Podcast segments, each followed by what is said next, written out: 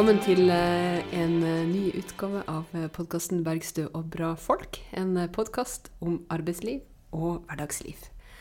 Og I dag så er jeg veldig glad for å kunne si at vi har med oss eh, selvfølgelig Ingrid Wergeland, eh, forleggsjef i Forlegg Manifest. Og meg sjøl, Kirsti Bergstø. Det er alltid godt å ha med seg sjøl på veien.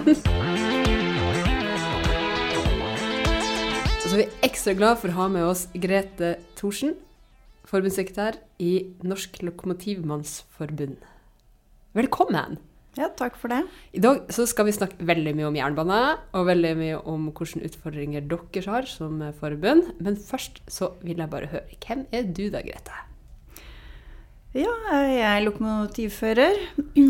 Har um, ehm, jobba i uh, NSB, nå da Vy, siden 2002. Og så har jeg vært ja, tillitsvalgt uh, på heltid nå i fire år. Men jeg har vært tillitsvalgt siden 2006, da, så jeg har jo en ganske lang fartstid som tillitsvalgt på, på jernbanen. Så ja. Mm. Det er jo korte trekk i hvert fall det jeg jobber med. og, og hvilke strekninger er det du har kjørt da? Eh, jeg har kjørt for det meste. Så har jeg jobba på eh, sånn lokal og kort eh, regionstrekninger rundt på østlandsområdet. Jeg har også kjørt litt langdistanse, Kristiansand og Dombås og sånn, men jeg har konsentrert meg mest om å være i nærheten av der jeg bor. For jeg har jo unger og familie, og da er det greit å komme seg hjem fra jobb samme dag som man drar på jobb. Mm. Mm. Men hvordan er egentlig arbeidstiden der? Eh, vi jobber turnus, så vi jobber egentlig hele døgnet rundt. Og vi har sånne merkelige eh, oppstartstidspunkter, sånn som 4.38 til altså, 13.43. Ja. 0438. Ja, vi har veldig tidsstuderte arbeidstid, som da selvfølgelig passer da med klargjøringstid til tog og togruter og sånt. Så vi har ikke runde klokkeslett, vi går på minuttene. Ja, Men det er jo kanskje noen av de, eh, den formen for nattarbeid som er mest krevende? Å starte, starte sånn mellom i tretida på natta, eller tre-fire-tida på ja. natta vi har seg klar? Vi har, eh, vi har jo helkontinuerlig turnus, og det er et ganske sånn krevende turnusskifte. Og det, er jo, det ber jo også tariffavtalene våre preg av, at vi har satt inn en hel rekke begrensninger i tariffavtalene for at uh, det skal fungere for folk. da. Blant annet har vi bare to, maks to netter på rad. Siden vi snur turnusen hele tida, så, så, må man passe på at man ikke forstyrrer biorytmen til folk fullstendig når man er på jobb. Eh, og vi er også veldig opptatt av at det er vårt eh, personell, eller at det er lokførerne, som eh, lager turnusene for lokførere. Selvfølgelig basert på Det må jo være basert på de toga som skal gå, da, så vi får jo det vi kaller for strek, strekene, strekelistene, det får vi for arbeidsgiver. Og så setter vi sammen det her Sånn at det skal bli mest mulig funksjonelt for alle sammen, og at man fordeler ulemper over hele gruppa på sitt stasjoneringssted. Så på den måten så, så, klarer dere å sikre at ikke det blir veldig, veldig belastende og tungt å jobbe som i natt? da? Ja, det er intensjonen med det. At vi skal prøve å fordele ulempene mest mulig. Og vi har også sånne listemøter, da, sånn at man faktisk eh, voterer, eller stemmer da, over forslaget til turnuser før det blir sendt ut til, ja, til velging. Og da er det sånn at den, de med lengst ansiennitet, de velger først osv. Så, videre. så det er veldig viktig at de turnusene er rettferdige før de kommer ut. Ellers så vil jo de eldste alltid få de beste. Men vi har uh, i foreningene vi har tjenesteutvalg som setter opp det her. Og så når de har lagd et forslag, så har vi et listemøte og en avstemming før vi sender til arbeidsgiver. Mm. Og som da sender det ut til uh, ja, turnussøking, da. Men hvor ofte må dere gjøre dette? Altså, Togrutene blir jo satt for ganske lang tid. Uh, en, gang, en, gang, i året. Ja, så vi har årsplaner. Årsturnuser. Og da er det som en, som en avstemning blant alle medlemmene? Ja, på hvert enkelt stasjoneringssted. Ja. ja. Mm. Så da vet du ett år i forveien da, hvordan du skal kjøre? liksom... Ja, vi vet noen måneder i forveien, og så starter turnusen i uh, desember. Og så går den til neste desember. Og så søker vi når vi søkte i sommer, da. Mm. Ja. Men det er jo en ganske fin form for medvirkning uh, i forhold til, til turnusarbeidet også, høres det ut som. Ja, det er jo meninga at uh, foreningene skal ha innflytelse på egne arbeidsplasser. Så det er, jo, det er jo kjempeviktig at man får den innflytelsen på turnusdagen. For sånn i livet som lokfører, da, eller når eh, tida du jobber som lokfører, speiler jo også fritida di. Som du også da får på mange merkelige tidspunkt. Eh, så det, det, er kjempeviktig, og det er kjempeviktig for oss nå som man har fått jernbanereformen, at vi får den samme innflytelsen når det kommer inn nye togselskaper eh, inn i persontrafikken i Norge. Og vi har jo klart å beholde det her når det har kommet inn eh, godsselskaper som kom inn etter jernbanepakke 2. Ja, fordi nå er vi jo over på litt det vi også hadde lyst til å snakke mer om. Jeg syns det er veldig spennende med turnus og nattarbeid og medbestemmelse. Så vi kan snakke om det. Men uh, fordi uh, det har jo fått veldig mye oppmerksomhet i Norge, dette at Go-Ahead uh, vant anbudskonkurransen om Sørlandsbanen. ikke sant? Det har kanskje vært en, en av de tydeligste uttrykkene for, for jernbanereformen. kanskje i tillegg til navneskiftet til NSB. Men, eh, men, det har jo skjedd en, en privatisering eller en eh, konkurranseutsetting av jernbanen eh, lenge før, nemlig med, med gods, godstransporten. Kan du fortelle litt om det? Hva som skjedde da? Ja, altså Det første som, som, skjedde for tilrettelegging for konkurranse på jernbanen i Norge, det var jo den splittinga mellom NSB og Jernbaneverket i 1996. For da hadde jo da var jo Sverige allerede i gang med å privatisere sin jernbane, og Storbritannia var jo i gang med sin, og da ville jo gjerne Norge henge på lasset. Så man, eh, man delte opp togoperasjonen i en del, og så infrastrukturen i en del allerede i 96. Så før det var NSB ansvarlig for alt? Før det så var NSB ansvarlig for alt i hop, da. Mm. Eh, og så gikk det jo Det skjedde jo ikke så veldig mye Eller det, det ble ikke konkurranse bare av den splittelsen. Det ble egentlig bare at man splitta fagmiljøene, og at egentlig NSB, som da ansvarlig for togtrafikken, fikk eh, mindre innflytelse på sin viktigste produksjonsfaktor, som er infrastrukturen.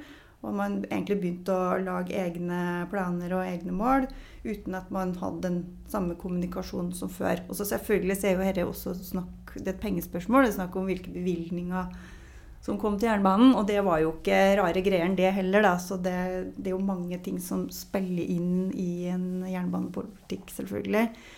Eh, det neste som eh, skjedde da, det var jo at man begynte å se at nå kommer det nye direktiver fra EU, eh, så man skilte ut godsoperasjon som en egen del. Det har skjedd i 2002.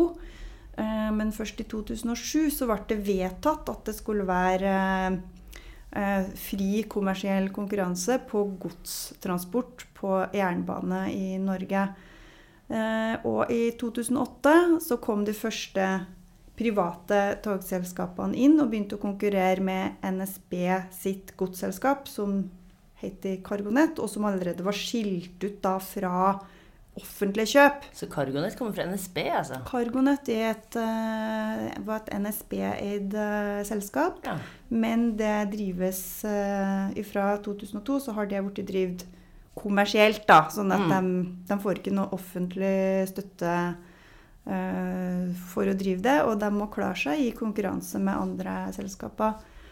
Eh, så da i 2007 og 2008 så gikk det ganske bra med Cargonet. De tjente penger, men etter at det ble flere om beinet i det ganske begrensa eh, godsmarkedet man har klart å etablere i Norge, så har jo ingen av de godsselskapene tjent penger. Og det har jo kommet selskaper og forsvunnet selskaper. Per nå så er det to store. Det er CargoNet, og så er det Green Cargo, som er den svenske statens et godsselskap som også driver på kommersielle vilkår. Da. Så de kommer ut fra svenske jernveier? Altså ja, de er også skilt ut som et eget mm. selskap uh, derifra. De er ikke eid av eh, SJ lenger, men de er et uh, eget selskap som eies av svenske staten, tror jeg. Så er det også et privat selskap som heter Hektorel som er et svensk selskap som som kjører i Norge nå. Og så er det et som heter Grenland Rel, som er norskoppretta, som vokser, da. Mm. Men det er ingen av disse som tjener noe penger? Eh, de store tjener ikke penger. Grenland Rel har en litt sånn spesiell eh, produksjon. At de driver både litt med godskjøring samtidig som de har noe sånn skifting og transport i forhold til infrastruktur. Så de eh, tror jeg faktisk klarer seg ganske bra, men de er veldig små ennå, da. Mm. Men uh, det snakkes jo så mye om at vi må få mer gods fra, fra vei over på, på, bane. Fordi det er jo mer miljøvennlig å Og til sjøs. Og til sjøs. Mm. Nå snakker vi om jernbane. Ja, men de store målene. fordi det er jo et problem at man har store mål som ikke følges opp i noen retninger. Ja. ja, det er jo vedtatt både i Nasjonal transportplan og vedtatt av, av Stortinget er at du skal ha, en, uh, ha et mål med en overføring på 30 eh, fra vei til bane. Men det føres jo ingen politikk som, som, vil realisere det målet. Når man bygger nye banestrekninger nå, så er de ikke dimensjonert for gods. De er ikke det? Eh, nei, de er ikke dimensjonert for det. Så det er ikke meninga at det skal gå godstog på den nye Follobanen. Altså, det kan faktisk ikke, det kan ikke gå godstog? Nei, det er ikke bygd ut sånn, for da, da vil du senke hastigheten på persontoga, da.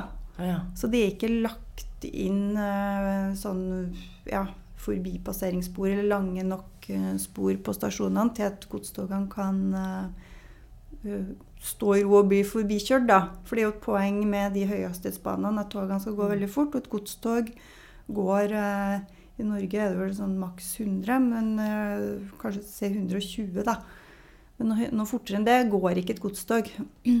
Så de har en begrensning både på tyngde og hastighet som er en helt annen enn persontogene. Så derfor må jo en infrastruktur tilrettelegges da med lange forbikjøringsspor hvis du skal ha gods på de banene. Og det, det er det ikke tatt høyde for i nye prosjekter. Så det er ikke noe satsing på framtidig gods på bane. De kan selvfølgelig kjøre på de banestrekningene som finnes, men dem satses det jo heller ikke vesentlig på. Vedlikeholdsetterslepet er jo ikke henta inn overhodet de siste under denne regjeringa. Det har jo egentlig bare økt. Mm.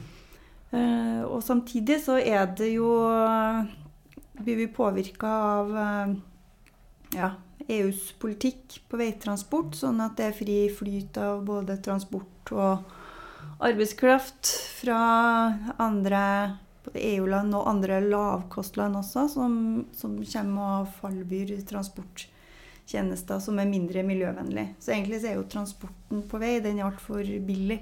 Mm. Så da tar jo den uh, store markedsandeler i stedet for at man får en overføring til mer miljøvennlig transport. da. Så nå er det kommet en sånn miljøstøtteordning nå i år, men den er jo Og det er bra. at den, Vi har jo virkelig kjempa for å, å, å, få til den, men det er jo på en måte bare et sånn plaster på et sår som uh, ikke ser ut til å gro engang. Så, så det er ikke en noe sånn Miljøstøtteordning, hva som ligger i den, da? Nei, du får uh, uh, Det skal gis en sånn støtte, da, som skal sørge for at, at hvis, du, hvis du bruker tog i stedet for bil, så jeg er faktisk litt usikker på akkurat hvordan til... den virker i praksis, men det er, det er, snakk om at det kom 60 millioner da, som uh, på en måte de togselskapene vil kunne få som en del av sine inntekter ved at kundene bruker, bruker toget. Men det skal jo godt gjøres å dempe for den brutale konkurransen på veien. Eh, og hvis man i tillegg ikke har bygd eh, togstrekninger for gods, så kommer man jo like langt. Ja, det, en, det, det vil ikke være noe som, som hjelper i det lange mm. løp. Nå er vel denne støtteordninga her innført i flere land i EU, men den er jo relativt liten. da. Mm. Så kan du si at de, på de banestrekningene vi har nå, så kan du jo bare kjøre gods, for der er jo ikke hastigheten så høy. Da. Så det er jo de nye strekningene, de der nye høyhastighetsstrekningene, som ikke dimensjoneres opp for mm samtidig gods- og persontogtrafikk. Og de kan jo, Godstogene kan jo liksom i teorien gå der, men da vil det jo forstyrre det driftsopplegget man planlegger med å ha der. da. Ja, Og da tar færre toget, og da er vi like langt. Ja, så vi er like langt. Så det er ikke, det er ikke dimensjonert stort nok for å ha noen sånn ordentlig framtidsvisjon for uh, jernbanen, da. For gods på bane. Men du, du, Grete, du nevnte jo jernbanepakke to i sted. Var det den du nevnte først? Altså, her er det jo mange jernbanepakker som har kommet uh, til ulike tider. Ja. Kan du si noe om dem? Ja. Veldig kort. Jernbanepakke 1 den gikk ut på å skille togoperasjon fra infrastruktur. Der, der, er vi tilbake i 96. Da er vi for Norges del i, i 96. Disse pakkene, det er jo gavepakke. Ja, det en gavepakke. Men ikke til lokføreren, ikke til passasjerene. Hvem er den gavepakken til? Den pakkene kommer fra EU. Ja, det er en gavepakke si. til EU. Det er en gavepakke til fra EU næringsliv som kan uh, tjene penger på Oi. transport. Det høres mm. kjent ut som gavepakke fra som kjente gavepakke fra EU. Gavepakke til eliten. Ja, nei, men altså Jernbanepakkene, det, det, er, det er EU som leverer pakkene. Ja, eller får dem, vil jeg si. Vi leverer jo vedtar jo og vi ja. mm. tilslutter oss disse pakkene til, til EU. Da. Mm. Men den første den gikk ut på Skill eh, eh, togoperasjon, de som kjører togene, fra infrastrukturen. Mm. Det er for å tilrettelegge for konkurranse, sånn at du ikke kan beskyldes for å på en måte bli subsidiert av infrastrukturselskap eller få ekstra tilrettelegging fra det som et mm. nasjonalt selskap. Mm. Eh, den uh, jernbanepakke 2 eh, Den viktigste endringa der var at man konkurranseutsatte gods på bane for kommersiell mm. konkurranse. Sånn at det ikke lenger var lov å gi offentlig støtte til transport på gods på bane.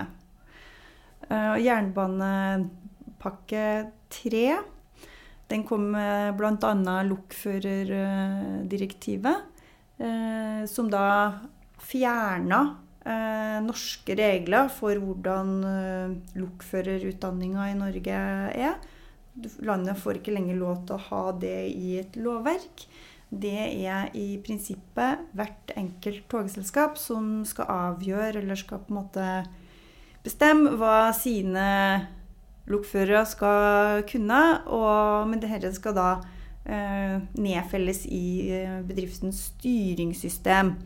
Og så er det jo da noe sånn jernbanetilsyn og sånn som skal, skal, kunne ha tilsyn og skal kunne kontrollere da om dette her er forsvarlig. Eh, det er jo selvfølgelig mye mer eh, komplisert å holde tilsyn med mange bedrifter, i stedet for å si at vi har en, en lov som sier at det er sånn. Eh, her, da bedriftene begynte å skulle plukke fra hverandre utdanningen, så streika jo vi mot det.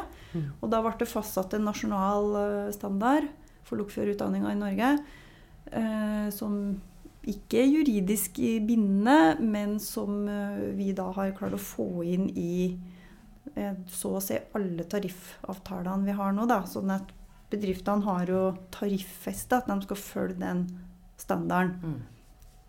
Og, og, sånn som den utvikler seg, da. Sånn at vi, vi har jo eh, på en måte en kontroll, men det er en veldig arbeidskrevende måte å ha kontroll med lokførerutdanninga på. Men vi, vi passer veldig godt, uh, godt mm. på den, da. Men, uh, men uh, Og nå kommer da en jernbanepakke 4, som blir det neste. Som da krever at det skal skje det, omtrent det samme i persontrafikken mm. som i godstrafikken. At den skal konkurranseutsettes. Forskjellen er jo at persontrafikk ikke er bedriftsøkonomisk lønnsomt. Mm. da vil billettprisene bli for dyr. Derfor uh, gir eh, staten et vederlag for å kjøre persontrafikk, eller subsidier om du vil. Og det har jo NSB fått for å kjøre persontrafikken i Norge.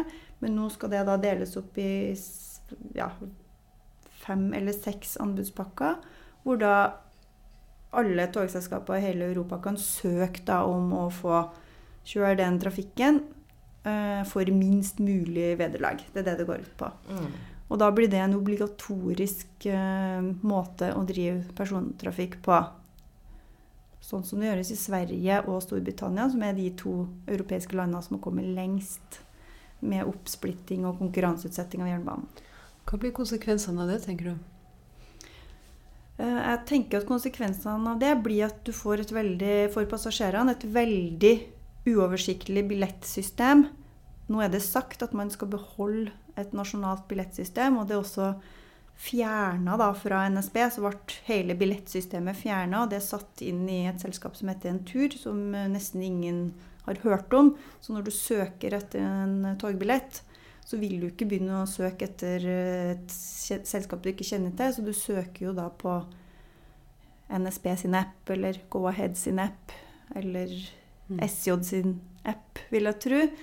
Eh, og, det er også viktig for det enkelte togselskapet å kunne kommunisere med sine kunder. Og da, da vil det automatisk bli vanskeligere da, å få en billett da, fra Stavanger til Lillehammer, hvis det er det du skal. For der er det jo kanskje både to og tre selskaper du må reise gjennom.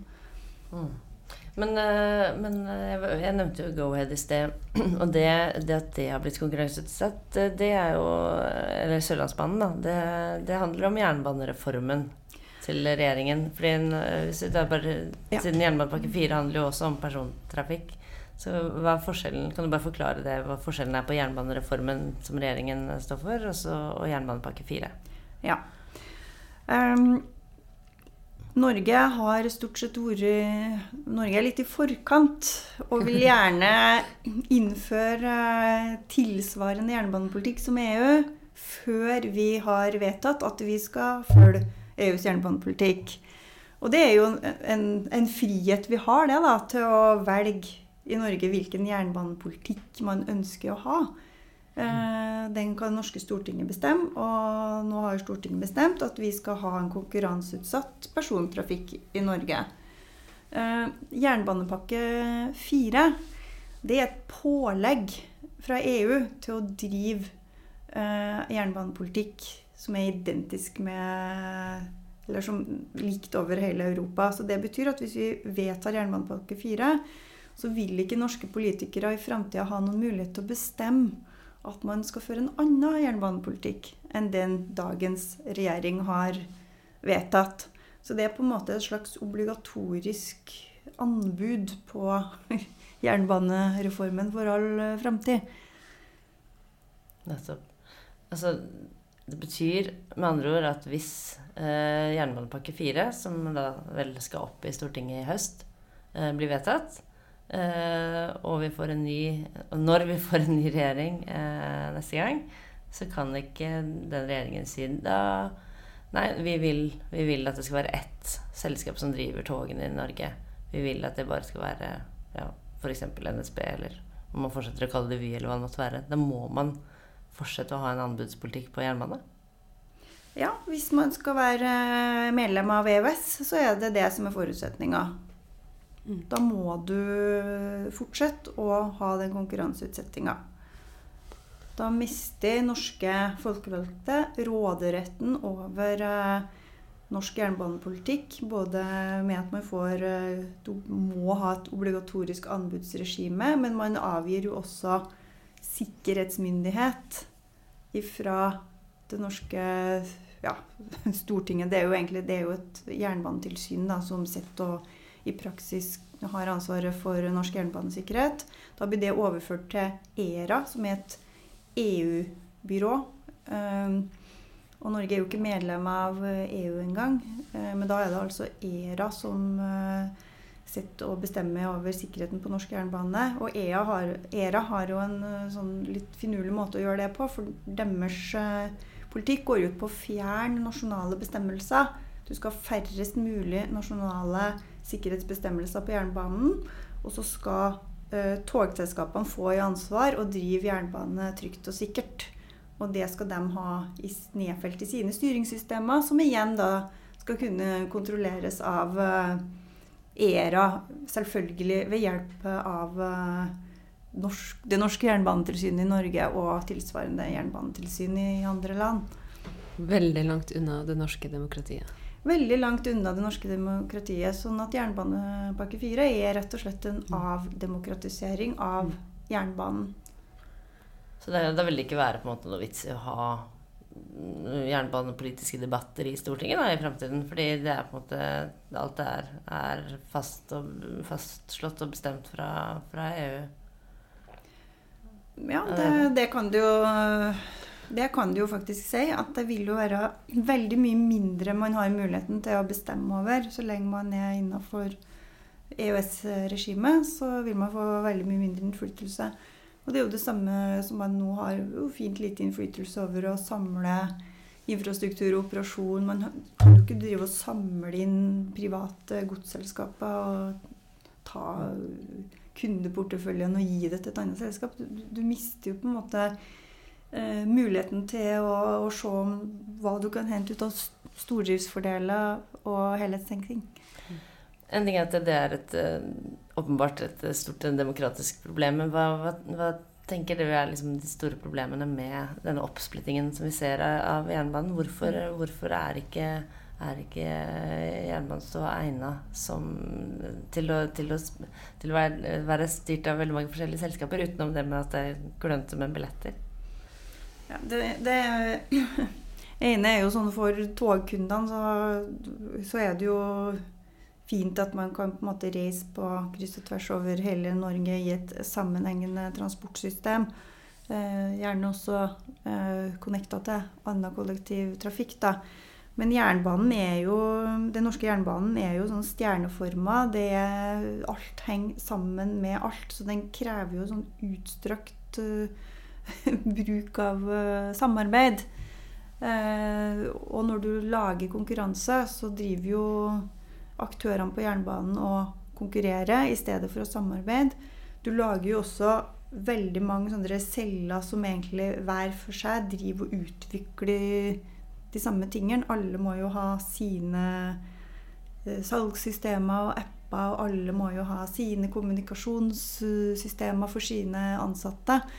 Eh, så det man har sett fra både Sverige og Storbritannia, det er jo at det har jo ikke blitt billigere for staten. Det er bare det at uh, pengene brukes på andre poster. Og sånn er det jo at i Norge òg, at nå som man har uh, konkurranse Eller som man har uh, innført jernbanereformen, det har jo aldri blitt bevilga mer penger til jernbanen. Men det skjer jo uten at du får vesentlig mer jernbane for de pengene. Da. Du, mm. får, du, har de store utbyggingsprosjektene, selvfølgelig har du dem. Eh, og dem vil man jo få effekt av inn i, i framtida. Du har jo sånn Follobanen, og du driver og utreder i hvert fall noe Ringeriksbanen, og du, du, driver jo med intercitytriangelet, så det går jo store midler der. Men samtidig så går det også masse midler til rett og slett oppsplittinga, til å ansette veldig mange flere eh, sjefer og direktører som skal ha ansvar for, for hver eh, sin celle. Det, og det går sikkert veldig mye penger til dobbeltarbeid. Eh, så det kunne jo vært interessant å følge jernbanebudsjettene over tid og, og, se hvor mye av de pengene her er det som faktisk da drypper ned på, på jernbanen, som faktisk fører til flere og mer eh, punktlige tog. For så langt så har det jo ikke Det har ikke kommet noen noe flere tog eh, direkte som en følge av jernbanereformen enda. Det er jo ting som egentlig er vedtatt før, som, som har ført til den økninga vi ser nå. Og togene er jo mindre punktlige nå uh, pga. Uh, at vedlikeholdet ikke er fulgt opp så godt som man skulle ønska. Nå er, jo, nå er det mange problemer med å konkurranseutsette busslinjer også. Det vet vi jo både med arbeidsforhold og, og forutsigbarhet og delte skift osv. Men, men en ting som jeg tenker på er liksom annerledes med buss og tog, det er at en buss den kan du på en måte bare snu, eller du kan liksom kjøre den til det punktet istedenfor det punktet, så kan du ja, eh, stoppe.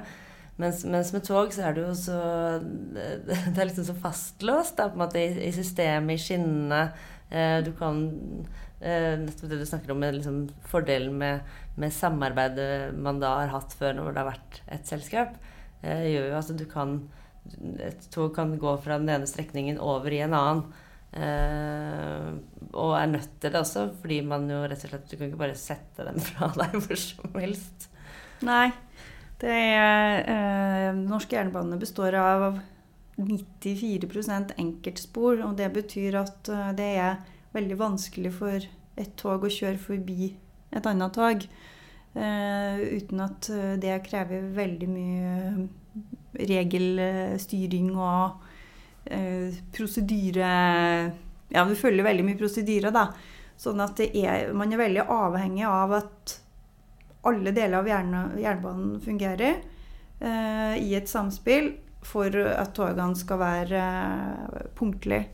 Og da gjennom Oslo så er jo alle slåttene mer eller mindre brukt opp. Det går jo et tog gjennom Oslo-tunnelen. Hva betyr? Ja, det, et tog har uh, Hvert tog har jo mellom to signaler. Mm. Eh, det kaller vi en blokkstrekning. Det er mm. kun ett tog til enhver tid mellom to signaler. Ja. Uh, sånn at et tog har jo sin rute, uh, som forutsetter at mellom da og da så skal det toget være nøyaktig der og der. Mm. Uh, og inn mot Oslo, som, som, det nå er nesten helt Eller er helt fylt opp, da, så går det jo et tog gjennom Oslotunnelen annethvert minutt, mer eller mindre. Og da da skal det ikke veldig mye tull til før eh, sånn, Hvis ett tog får trøbbel med ja, egentlig hva som helst, at noen blir syk på toget, eller uh, at det får teknisk problem, eller at et signal står i, i stopp og ikke, uh, sporveksel ikke virker som det skal, så står liksom alle toga mm. bakt. Mm. De kommer jo ikke forbi. Da blir det bare en kø da, av det. Vi, vi, har jo noen internasjonale erfaringer med den form for oppsplitting og mangel på kontroll og oversikt. Eh, har dere eh, gjort noen tanker om det? Ja, vi, nå er, er ikke jernbanen i Europa er, er jo ikke så oppsplitta som, eh, som, man skulle tro. For de fleste landene har jo holdt veldig på det nasjonale jernbanene sine. Så det, det man, eh, som er mest oppsplitta, det er gods på bane. Mm. Uh, og uh, det har jo vært en del jernbaneulykker, men mm. det er veldig vanskelig å, å følge hvem er i toget, hvem uh, hvor lokføreren ansatt, hvem bestilte ruta. Det er, det er veldig uoversiktlig, så det er veldig vanskelig å å følge hvorfor oppsto de ulykkene. Men det er jo det som fagorganisasjonene over hele Europa har et veldig fokus på. At man prøver å, å følge de årsakssammenhengene for å få et mm. bilde da, av hvordan denne oppsplittinga også påvirker sikkerheten på, på jernbanen.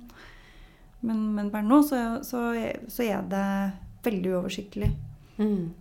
For det er jo en veldig dramatisk utvikling. Hvis man først tenker at man splitter opp mellom eh, eh drift og infrastruktur, altså konkurranseutsetter man, så angriper man også faglighet eh, og, eh, og, kompetanse hos eh, lokførerne. Det er jo det som er blitt forsøkt gjort tidligere. Og så skal man privatisere eh, for evig, og alt det. Og det tenker jeg må jo eh, legge et voldsomt press på alle som jobber innenfor jernbanen. Hvordan hvordan merker dere de endringene, både det politiske eh, trøkket gjennom jernbanereform og de her jernbanepakkene, som, eh, som forbund? Mm. I godstrafikken så da har vi jo måttet forhandle fram nye tariffavtaler for hvert nytt selskap. På jernbanen så har vi, eller lokførerne, vi har ikke én bransjeavtale. Vi har en unik overenskomst i hvert uh, selskap, i det systemet vi har hatt så langt, i hvert fall. Uh, så, så, vi har jo egentlig veldig mye jobb med det. vi er jo relativt 1700 lokførere, og vi har selvfølgelig ikke så mange uh, folk på fulltid som jobber med det her. Så vi har veldig sprengt arbeidskapasitet med det. Det er jo det ene. Men vi, så langt så har vi jo liksom klart å få sånn cirka de samme tariffavtalene i godsselskapene, der det er vanskelig å, å få til de samme ja, begrensningene på nattarbeid og sånn, det er jo de lokførerne som nå jobber i ja, det vi kaller for sånn infrastrukturbransjen. De de selskapene som driver på infrastrukturen, de må også ha lokførere, men det er liksom relativt få. Det er vanskelig å få til gode turnuser, og, og oppdragene mm. de har, er jo, på, det er jo også anbudsutsatt, så det blir sånn korte, mindre prosjekter. Så det går man gjerne i sånn skiftordninger eller sånn 7-7-ordninger. Så, så, der har vi bare måttet lage en helt annet turnussystem som, uh, som, vi nå driver og finner ut om det ja, hvordan det virker, da, om det er bra for helsa eller ikke. For mm. tidligere så lånte jo bare Jernbaneverket uh, mye fra lokførere fra NSB. Og de har også noen egne folk som har en sånn litt annen utdanning. Um, og uh, når det gjelder persontrafikken, det som vi har virkelig sånn starta på for å forberede oss på konkurranse, det var jo at vi var nødt til å gå vekk fra det statlige pensjonssystemet. For vi har jo hatt Statens pensjonskasse. Uh, men i og med at vi så her at nå ville vi få noen privatisert, så var vi nødt til å rigge om for å sikre at våre medlemmer ikke gikk i den der såkalte AFP-fella. Og pga. jernbanereformen så var vi nødt til å gjøre dette ferdig ett år før LO Stat fikk landa ny SPK.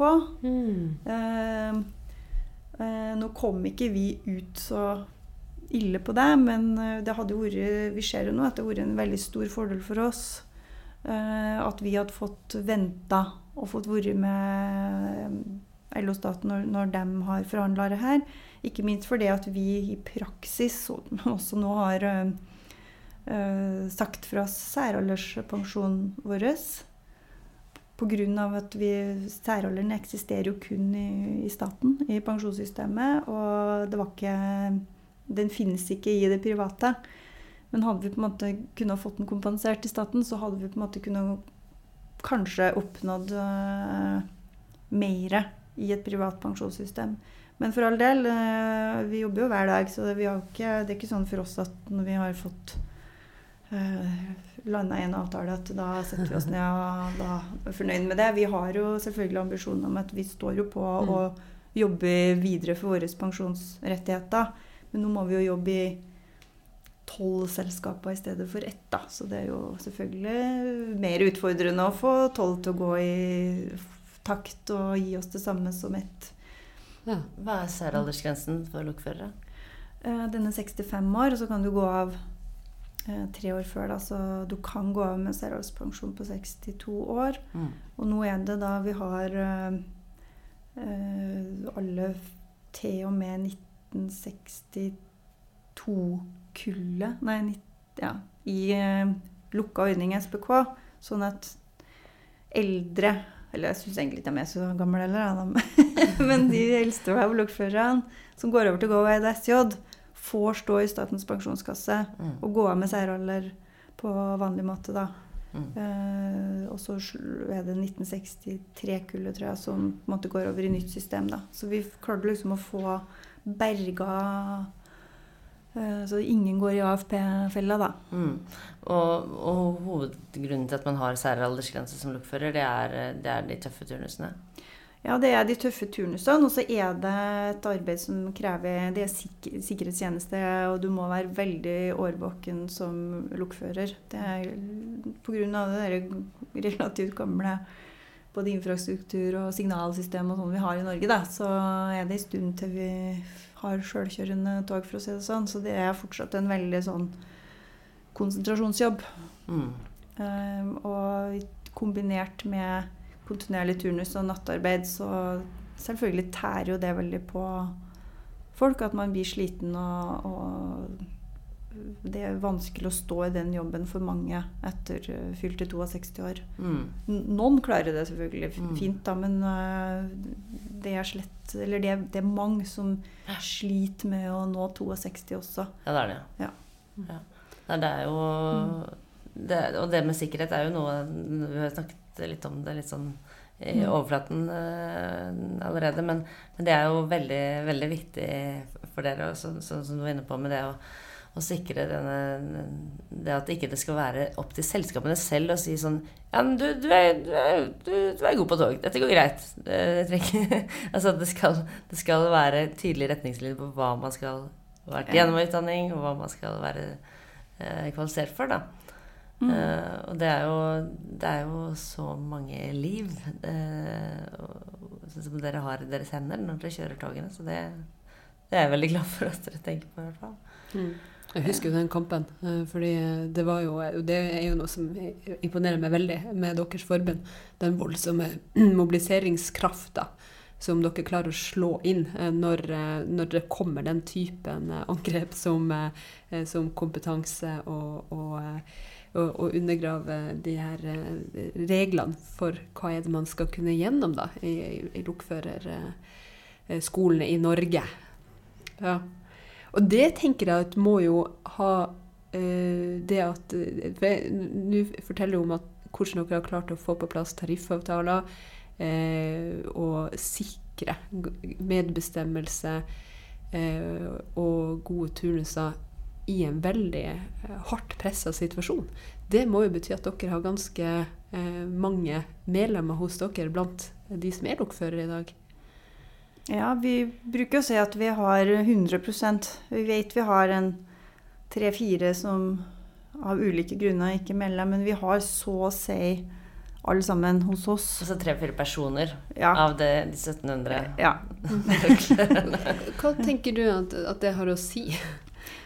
Som, I fagbevegelsen så er det som er makta til fagbevegelsen, det er jo at man er mange. Som uh, blir enige om at, hvordan vi vil ha det. Og det er jo det er liksom hele innflytelsen vår er jo basert på at vi er mange nok. Og, uh, og at vi samarbeider og, og, har en god organisasjon som har god kontakt med alle medlemmene.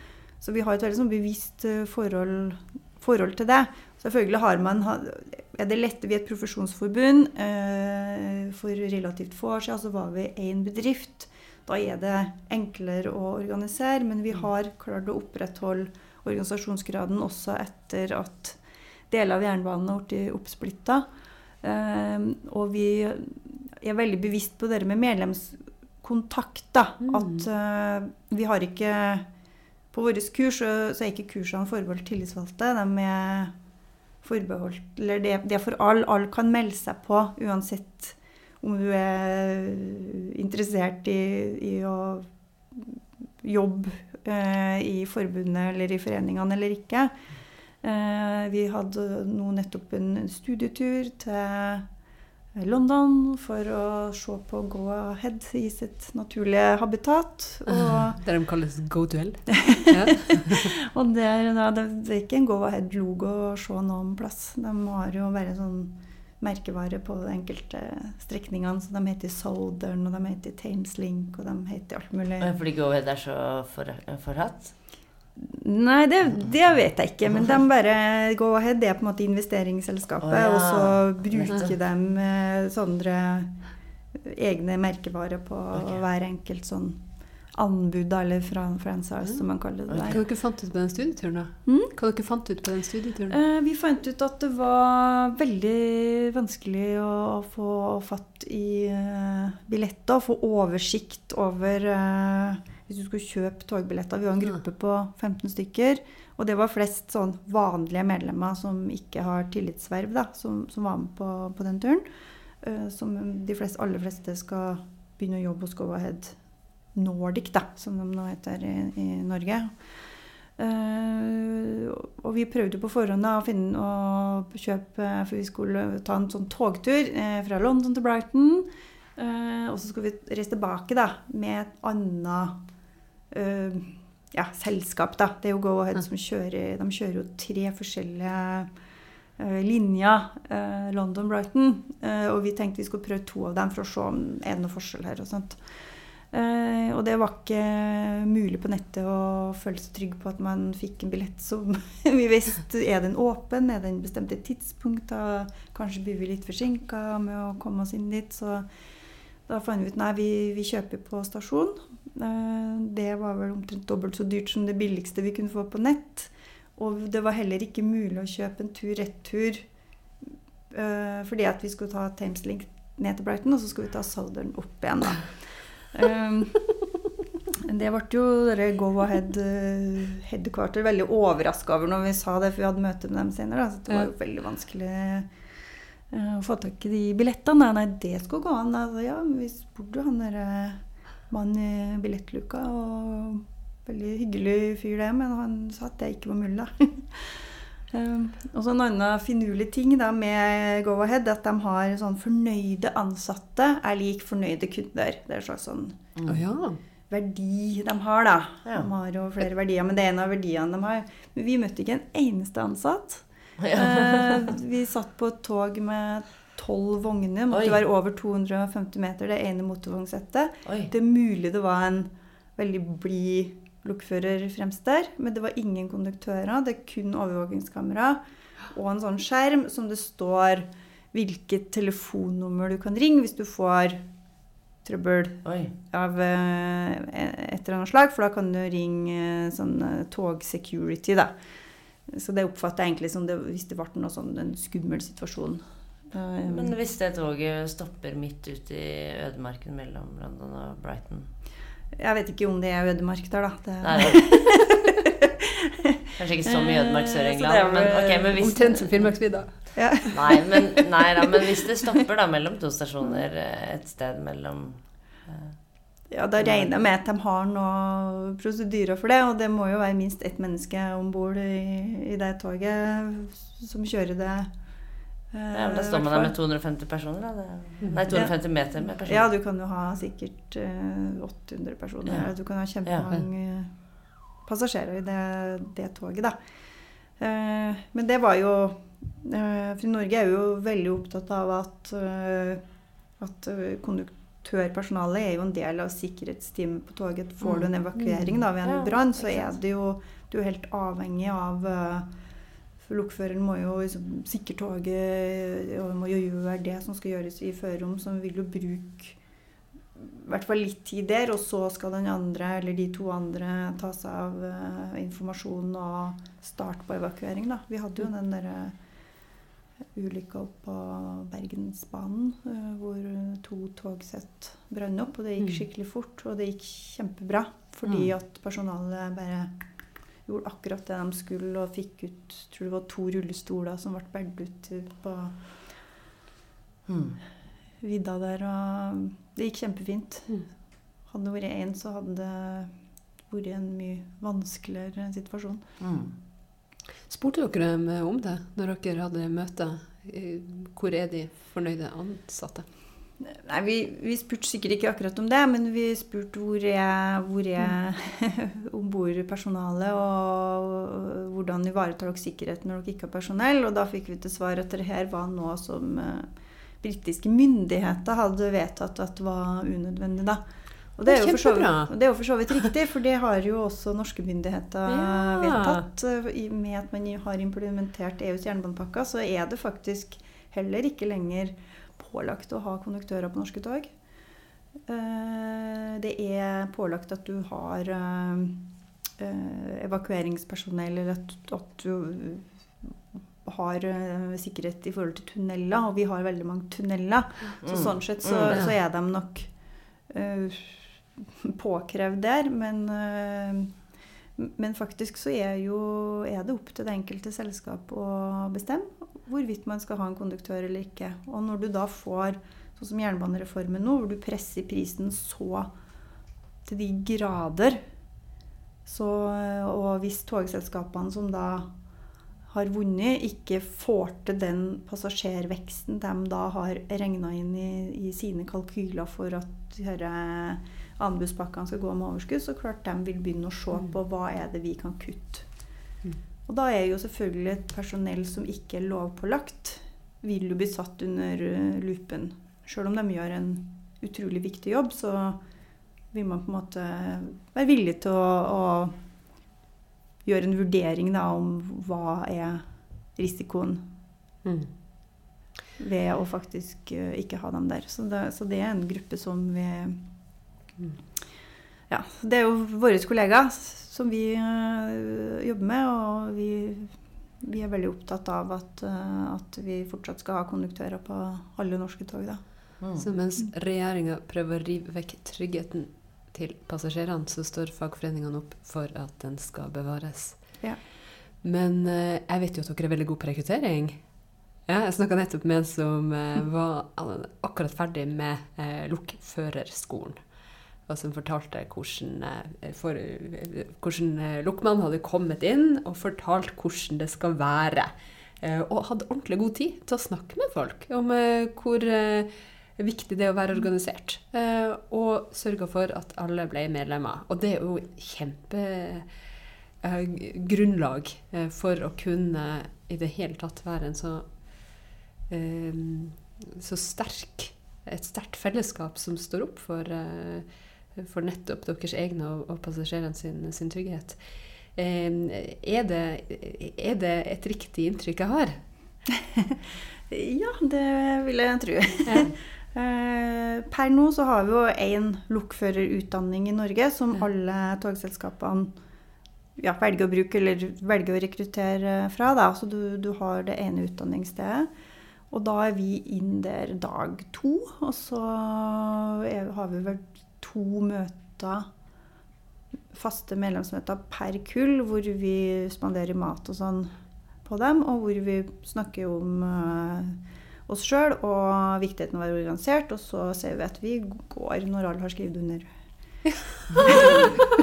og så blitt medlemmer? Hmm? At alle har skrevet under og blitt medlemmer? Da ja. går dere. Ja. Men det er jo helt nydelig, for det er jo veldig mange som, eh, som ja, kommer ut i jobb uten noen gang å ha hørt om en fagforening. Så her mm. er man på dag to i opplæringa eh, og lokførerskolen. Så kommer altså dere inn og forteller hva som er det viktigste fellesskapet. Mm. Det er fantastisk. Og nå driver dere og mobiliserer både nye og gamle medlemmer til eh, streik. Ja. Vi har eh, vedtatt uh, politisk streik sammen med Norsk Jernbaneforbund 10.10. mot jernbanepakke 4.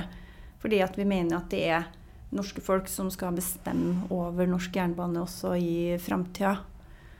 Uh, og det dette handler ikke om du er for eller mot jernbanereform. Vi kan, Selv om vi sier nei til jernbanepakke 4, så kan vi fortsatt ha identisk jernbanepolitikk med EU hvis det er det man bestemmer seg for å ha.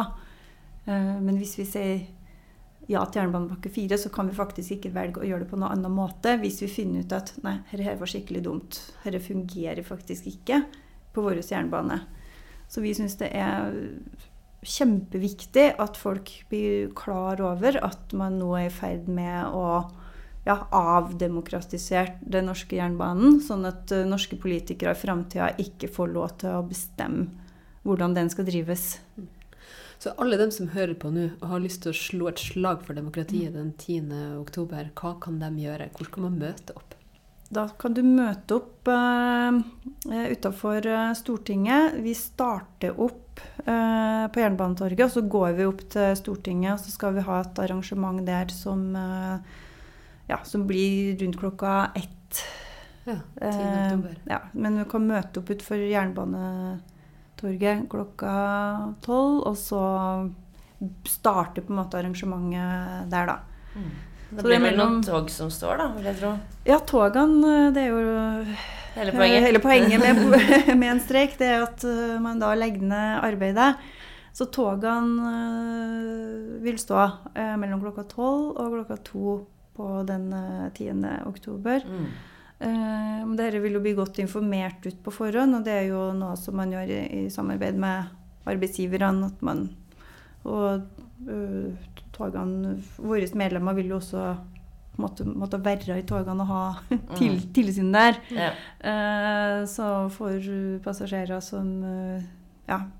Plutselig blir stående på en stasjon, så går det også an å snakke med togpersonalet som er til stede der. Da. Så mm. vi vil være mm. overalt der det er tog, og mm. informere om uh, hvorfor vi gjør det her. Mm.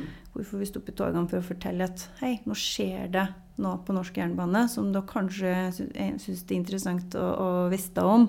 Mm. Vi gjorde jo også det under jernbanereformen, men jeg er likevel veldig overraska over hvor lite folk har mm. fått med seg. Mm. Uh, over hva som har skjedd, ja, spesielt med, med NSB.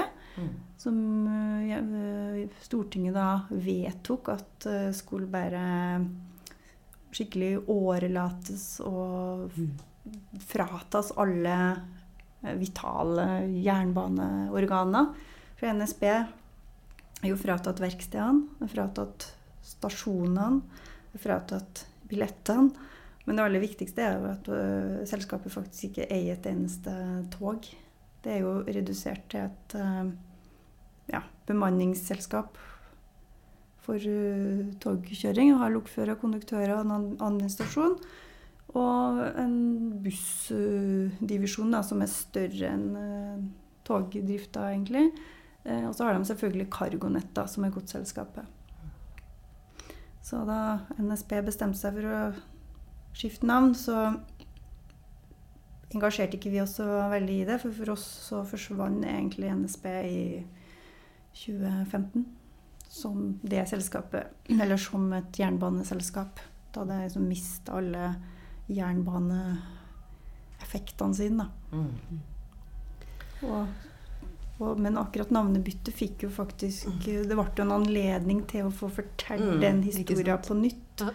Så da, og det håper vi nå at, uh, at folk er mer mm. villige til å engasjere seg den gangen her. For da har man faktisk i framtida mulighet til å utvikle norsk jernbane sånn som, den, sånn som man vil ha den i Norge. Og det må vi gjøre. Vi må mm. ta den tilbake og samle den til ett. Eh, ja. Og da er det viktig at eh, om du som hører på er i Oslo, eh, så kan du støtte streiken 10.10. Om du er alle andre plasser i landet, så husk å følge med på det som skjer. Eh, del et eh, innlegg på sosiale medier, skriv innlegg i avisa. Dette er noe som folk er nødt til å få høre om. Eh, at rett og slett jernbanen totalt avdemokratiseres. Det kan ikke få skje. Men Grete, du har jo ikke alltid kjørt tog. Hva var din første jobb? Det er vårt faste spørsmål til våre gjester. Ja, det tror jeg må ha vært sånn jordbærplukker eller noe sånt. Ja. jeg kommer jo fra gård og fra bygda, så jeg tenker at det er jordbærplukking. Antagelig var den første betalte jobben jeg hadde. Ja. Men hvor er du fra? Eh, fra Namsos, eller ei øy utafor Namsos. Ja. Nettopp. Hva heter den? Eh, Elvalandet. Den har du nok aldri hørt om. Nei, har ikke det. er det en øy man burde besøke? Uh, hvis man kjører kystriksveien, så passerer man, men det er, det er en øy med noe gårdsbruk. Uh, da jeg vokste opp der, så var det en liten skole. Vi var vel åtte elever da jeg starta i førsteklassen på hele, hele skolen. Uh, og nå er den da selvfølgelig nedlagt. Og det er, liksom, det er, ikke noen ting der. Det er ikke butikk, ikke kirke. Det er bare en øy hvor folk bor. Men er det fremdeles jordbær, da? Uh, nei, det tror jeg ikke. Men det er fiskeoppdrett. Fiskeoppdrett, ja. Ikke. Mm. Mm. Tusen takk for at uh, du kom til oss. det var utrolig spennende å, å snakke med deg. Mm. Og takk til deg som hørte på. Vi håper du vil fortsette med det lik del. Det trengs. Så eh, takker vi til eh, takker vi Dr. Wergeland for eh, jinglen, musikken. og så ønsker vi alle sammen en helt fantastisk fin dag. Og husk å markere motstand mot avdemokratiseringa av jernbanen 10. oktober. Ha det godt.